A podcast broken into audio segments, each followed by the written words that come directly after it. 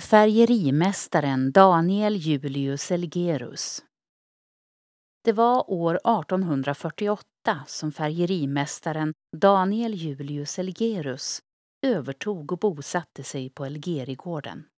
Han hade då hunnit bli 31 år. Men vi tar det från början.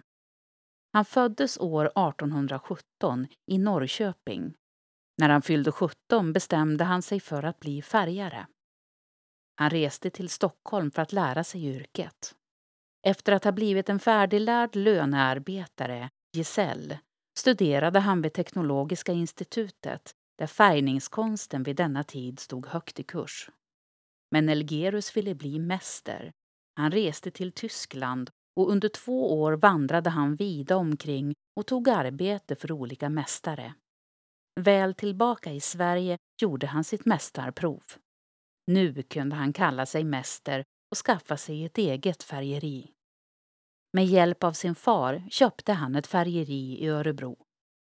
Verkstaden låg vid Svartån i ett kvarter där det fanns flera färgerier.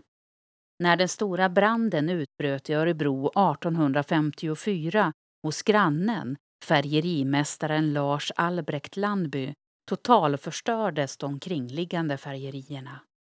Elgerus företag och gården av trä var den enda som klarade sig.